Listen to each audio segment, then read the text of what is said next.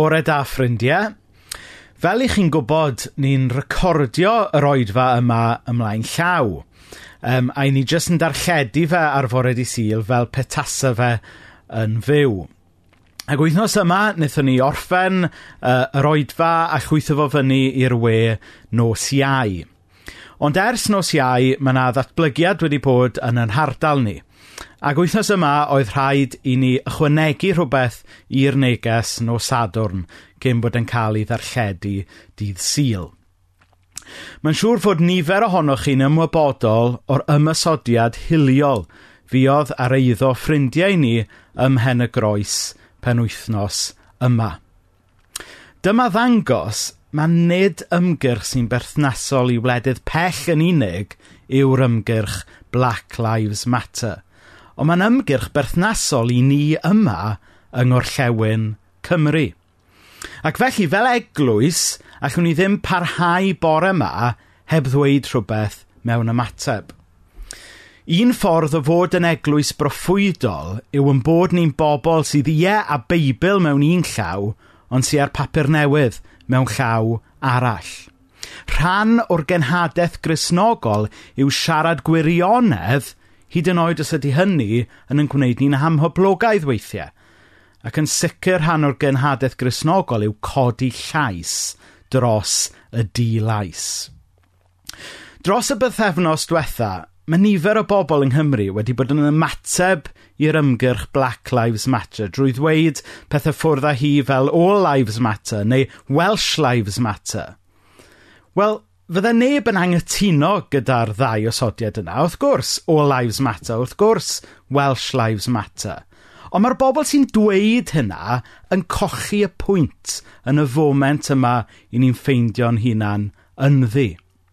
Fel wedodd un pregethwr o America wythnos yma, mae'r bobl yma sy'n dweud All Lives Matter, maen nhw y math o bobl fydda'n cael go ar Iesu ar ôl iddo fe bregethu'r bregeth ar y mynydd. Wrth i Iesu ddweud gwyn ei byd y tlodio neu gwyn ei byd y rhai sy'n sy, sychedu am gyfiawnder, y bobl yma fydda'n pwyntio bus at Iesu'n dweud, a Iesu, na, nid gwyn ei byd y tolion, ond gwyn ei byd ar bawb yr un modd a mae Iesu'n uniaethu'n benodol gyda rhai sy'n brifo yn y foment yma. Mae'n gywir i ni fel Cresnogion yng Nghymru wneud yr un peth. Nawr yn olaf, dwi eisiau deud hyn. I bobl sy'n dweud y dyle'r eglwys gadw allan o faterion a sgyrsiau anodd fel hyn a sticio at brygethu'r efengil – Wel mae pregethu'r efengyl yn ei holl gyflawnder yn cynnwys cyhoeddi'n ddiamod fod pawb o bob cenedl llwyth a iaith wedi creu'n gyfartal ar lun a delw'r dew sy'n yn cymodi ni yng Nghyst. Ac felly heddiw, i ni'n wylaidd ac yn ostenedig yn cyhoeddi Black Lives Matter. Nawr ar ôl y gerdd nesaf yma, byddwn ni'n cario ymlaen gyda'r oedfa fel wnaethon ni recordio yn wreiddiol. Ond just bore yma, o'n i'n teimlo fod rhaid ychwanegu y neges fer yma ar y dechrau. Oherwydd i ni'n cyhoeddi fod Dyw wedi creu pawb yn gyfartal. I ni'n cyhoeddi fod gwerth ym mhawb. A fod Iesu Gris yn arbennig yn sefyll gyda'r dilais. Mae e'n sefyll gyda'r rhai sy'n brifo. A dyna lle ddylen ni fel eglwys fod hefyd. Gobeithio newch chi fwynhau, gweddill yr oedfa a bore da i chi.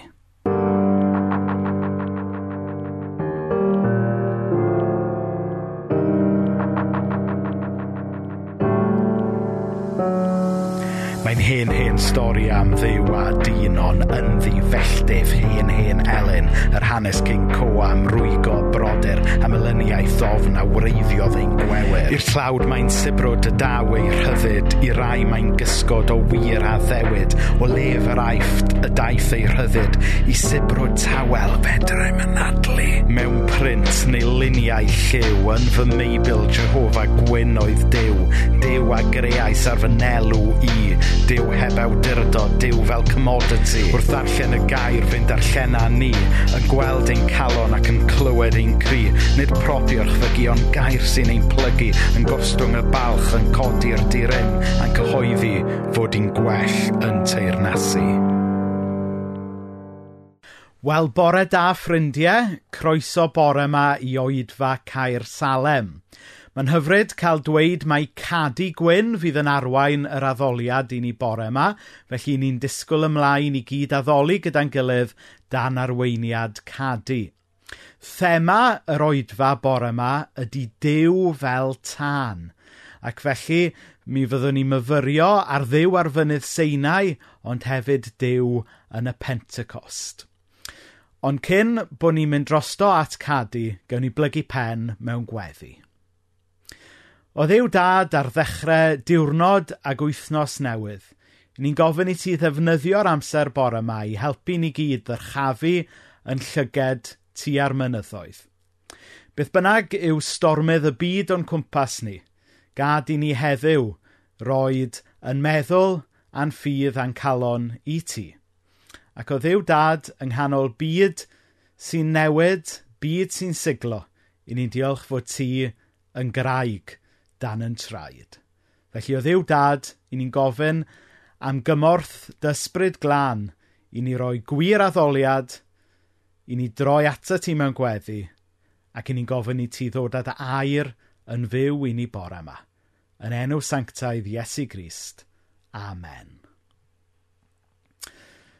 Felly gyda hynna o groeso a chyflwyniad, i ni mynd draw at cadu nawr i'n harwain ni mewn addoliad.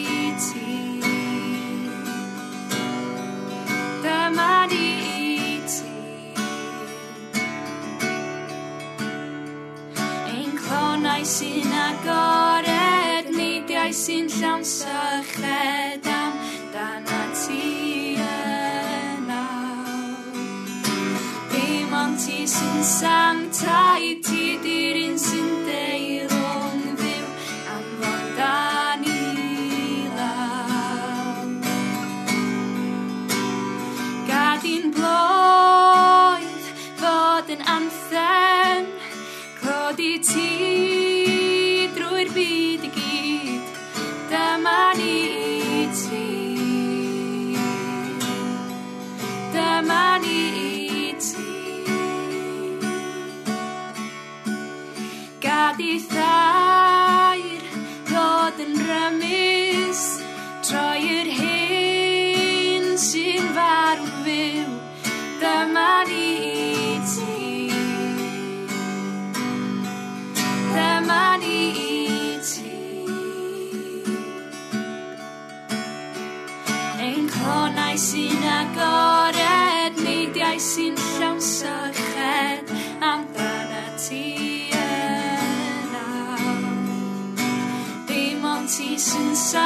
tai ti di'r un sy'n deilwng ddim anfon da ni law.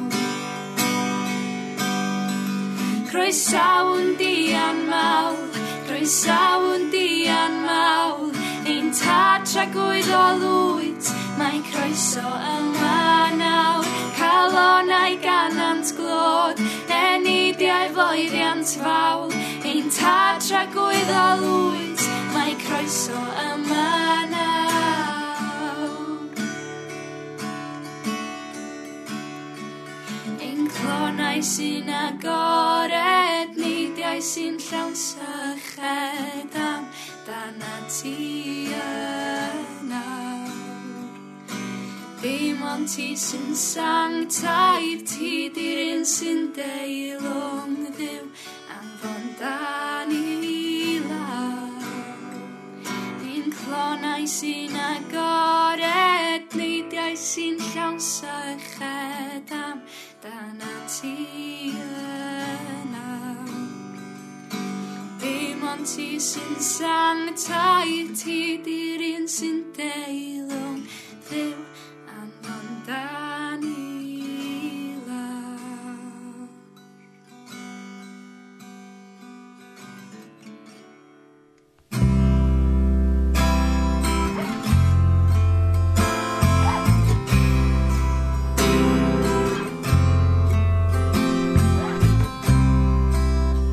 Wyt ti'n brifo di dryllio ty fel cheffu gan bwysau dyfau Mae Iesu yn gael.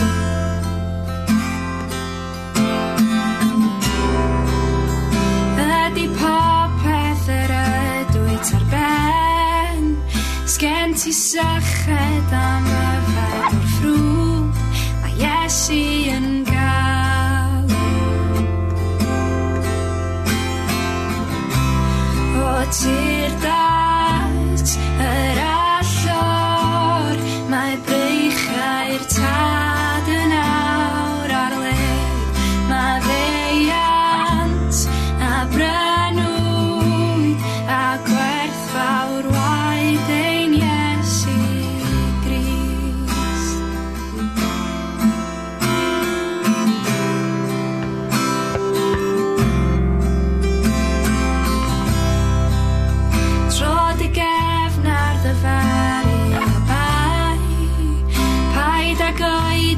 Lítið nára svo ef maður she.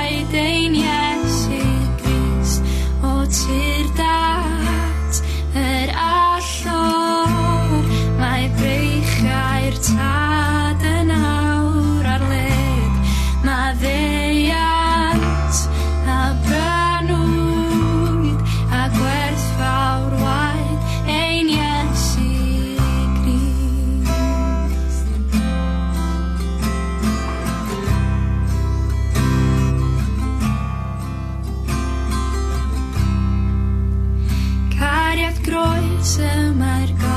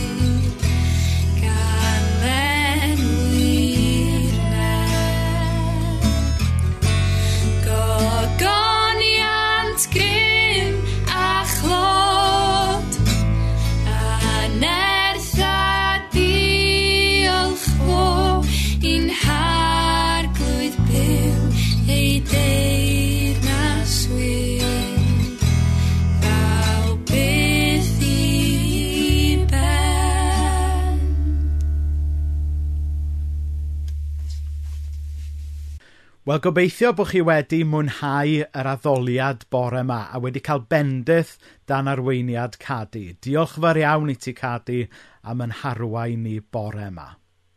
Nawr, cyn i ni fynd ymlaen at y casgliad, o'n i jyst eisiau rhoi diweddariad i chi ynglyn â'r casgliad i waith y BMS wnaethon ni rai wythnosau yn ôl. Diolch i'ch helioni chi i ni wedi llwyddo i gasglu 1,000 pum cant fydd yn cael ei basio ymlaen i'r BMS. Mae'r casgliad yma'n rhyfeddol o hael yn arbennig gan yn bod ni yn ei wneud e dan amgylchiadau y lockdown. Felly diolch fawr iawn i chi sydd wedi rhoi mor hael tuag at yr apel yma. Fel o'n i'n rhannu rhai wythnosau yn ôl, mi fydd um, canran fawr o'r rhodd yna yn mynd tuag at waith y BMS yn Syria ac yn helpu gwaith y BMS i ddatblygu y uh, rhaglenni addysg ymhlith plant ffoaduriaid o Syria. Felly, ni'n um, wrth basio rhodd yn amlaen i'r BMS, da ni'n parhau i gofio yn gweddiau am wledydd eraill, um, am eglwysi eraill mewn rhan eraill o'r byd, sydd dal yn brwydro yn ffyddlon i fod yn bobl Iesu a hynny dan amgylchiadau anodd. Felly, ar ôl hynna, gewn ni fynd ymlaen um, at yn casgliad ni am heddiw, a wedyn fyddwn ni nôl gyda chi mewn rhai munudau. Un peth nad ydyn ni'n gallu gwneud yn ystod y lockdown yw gwneud casgliad, ond os ydych chi'n dymuno cyfrannu tuag at ein gwaith fel eglwys, i'n cynorthwyo i barhau i rannu a dangos cariad Crist yng Nghernarfon a thu hwnt, yna mae modd i chi wneud hynny drwy neges destun heddiw. Eich cwmni sy'n fwyaf pwysig i ni, ac mae'r newyddion da am Iesu am ddim i bawb, felly peidiwch teimlo fod rhaid i chi rhoi unrhyw beth. Ond i chi sydd eisiau rhoi, Dyma un ffordd o wneud hynny yn ystod y cyfnod yma. I gyfrannu pint, textiwch C Salem i 7 dim 2 dim 1. I gyfrannu 5 textiwch C Salem i 7 dim 9 7 dim. I gyfrannu decbent, textiwch C Salem i 7 dim 1 9 1. Codir tal neges destun ar eich cyfradd rhwydwaith safonol. Diolch am eich heilioni.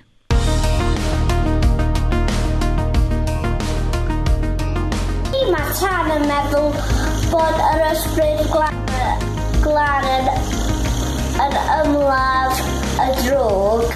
Hydyr, angerdd a rhyddid. Dan tan mi wnes i profi tan tadil fel plentyn. Um, Rwy'n i mewn eglwys gadeiriol efo miloedd o bobl, nath presenoldeb Duw syrsio.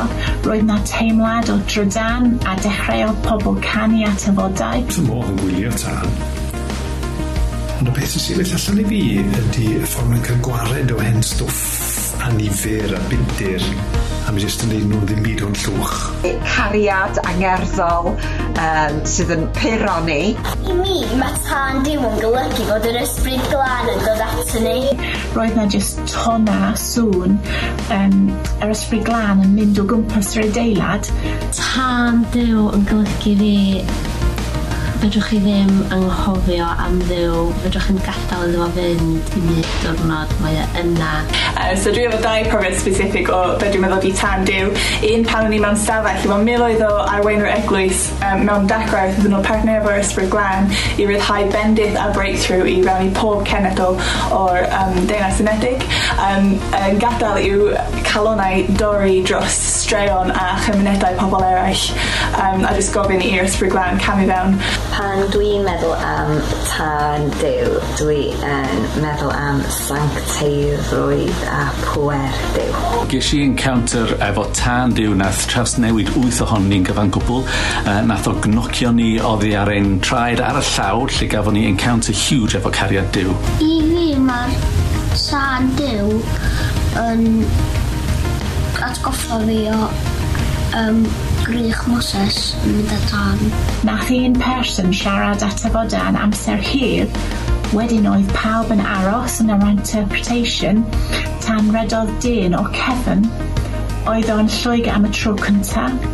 Atho y cyfarfod efo person oedd yn siarad prif iaith ei wlad, ond oedd y tyfoda wedi adrodd stori ei fywyd yn iaith ei pentref doedd neb arall yn redelad yn siarad. Roddodd ei bywyd i Iesu bernen. Mae'n golygu'r ysbryd glân yn dod lawr yn chi pan ydych chi'n gweddio. Mae'n golygu... Efo dol. Mae'n golygu, Dafydd, bod Dyw yn cadw bob un gweddi. Mae Dyw yn cadw bob un deigryn mewn botel Um, ac eto nes i deimlo tan diw yn fy nghorffi pan nath fy ffrindiau gofyn i'r ysbryglan iachau fy nghlun. Oedd fy um, coes yn ysgwyd um, really violently a wedyn um, yn sydyn iawn um, nath o stopio ac o'n i jyst yn teimlo heddwch um, ym mhob rhan o'n corffi a mae clyn fi wedi bod efo loads mwy o symudiad rhydd a rhydd o, o boen ers ni. Pan dwi'n sbio'r tan, dwi'n cofio am yna pan mae'r tan yn mynd ar ben y disgyblion. A nath o newid ni'n llwyr a ddaru ni gyd atal job saff yn nedd wren Lloegr a newid gwlad um, i'r Almain, i Ffrainc, i Twrci ac i Gymru uh, i gario'r cariad wnaethon ni brofi i bobl. So i fi, tan dyw ydy rhyw fath o ffos hollol unstoppable. Mae tan dew fel trydan, yn cariadus, yn sylwi ac yn cara, cyrraedd pob un person ac yn newid bywyd. Mae hynny yn fy nhaniau i, mae yn golygu bod Dyw bob tro efo ni. Pant pan ti? Mae o'n dan sydd yn llosgi, ond i draws newid yn bywydau ni, nid i newidio ni. Alli dim osgoi'r peth, mae'n nocio chdi lawr, mae'n codi chdi nôl i fyny, a mae'n pwysio chdi mlaen. Uh, mae calon sydd ar daf dros ddew yn mynd i ledeini cariad i'r byd.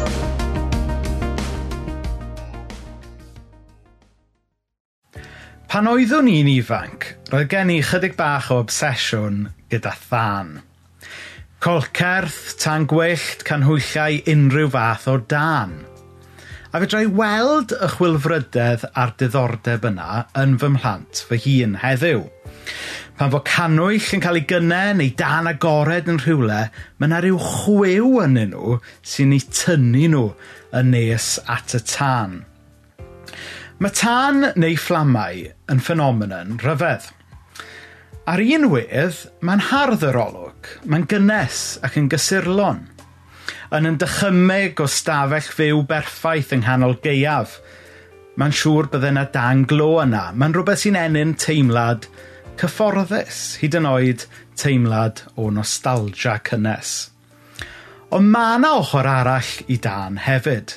Mae'n rymus, yn beryglus ac yn y dwylo anghywir yn gallu dinistrio. Yn y Beibl, mae cymeriad Dyw yn cael ei ddisgrifio fel tân mewn sawl man. Ac yn sydyn heddiw, dwi am gymharu dau o'r hanesion hynny a gweld sut mae'r ddau hanes yn dangos dwy wedd bwysig o gymeriad Dyw.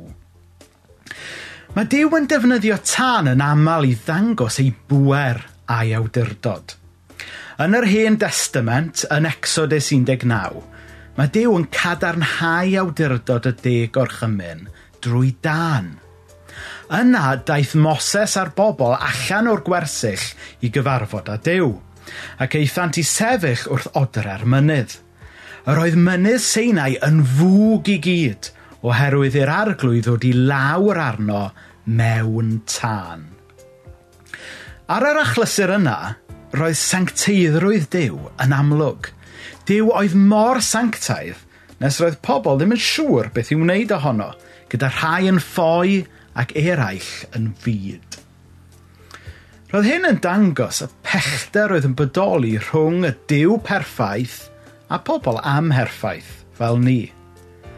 Ond, y newyddion da yw bod y diw wedi dewis dod i lawr o'r mynydd fel petai ato ni.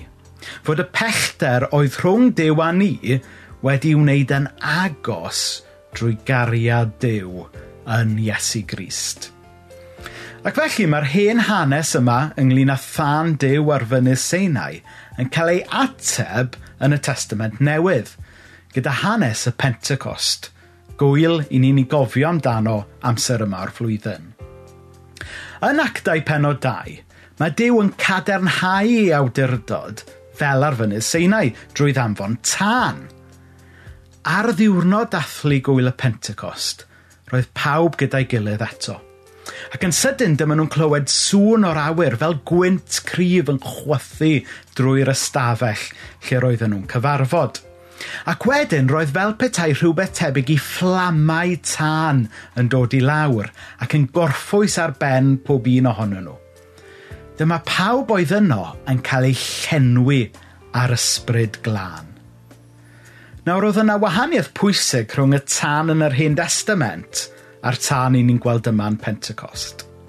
Ar fynydd Seinau, roedd tân wedi dod i lawr mewn lle arbennig i gyfathrebu gyda pobl arbennig.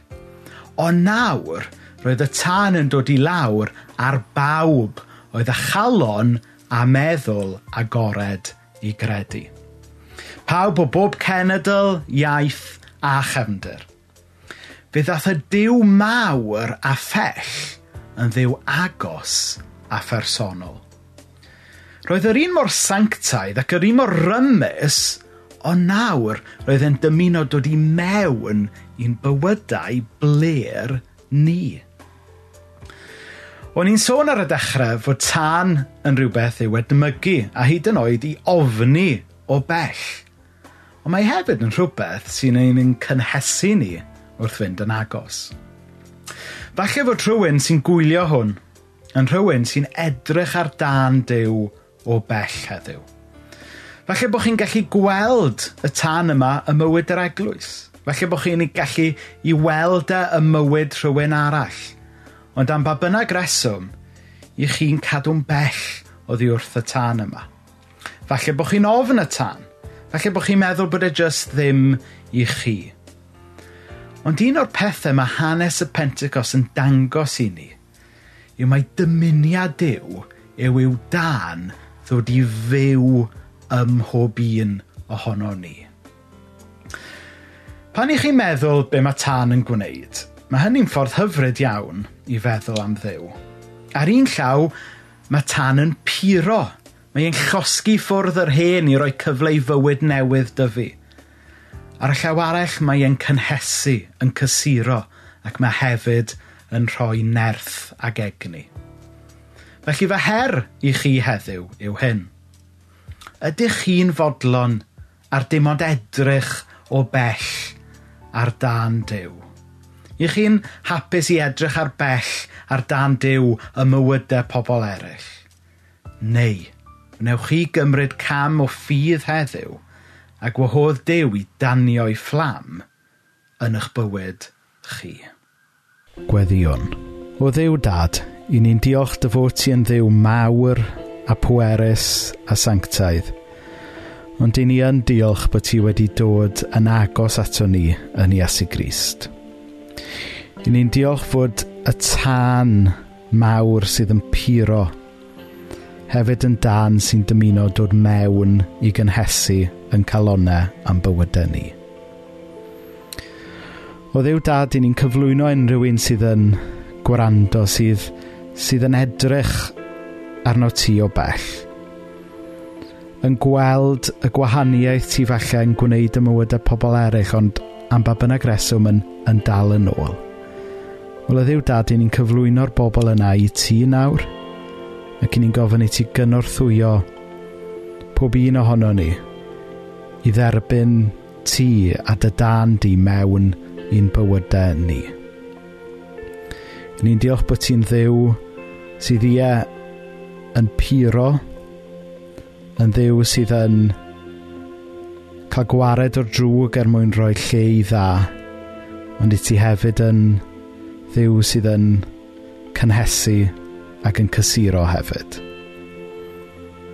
O ddew dad, i ni'n gwahodd dy dan di i mewn i'n bywydau ni heddiw. Amen.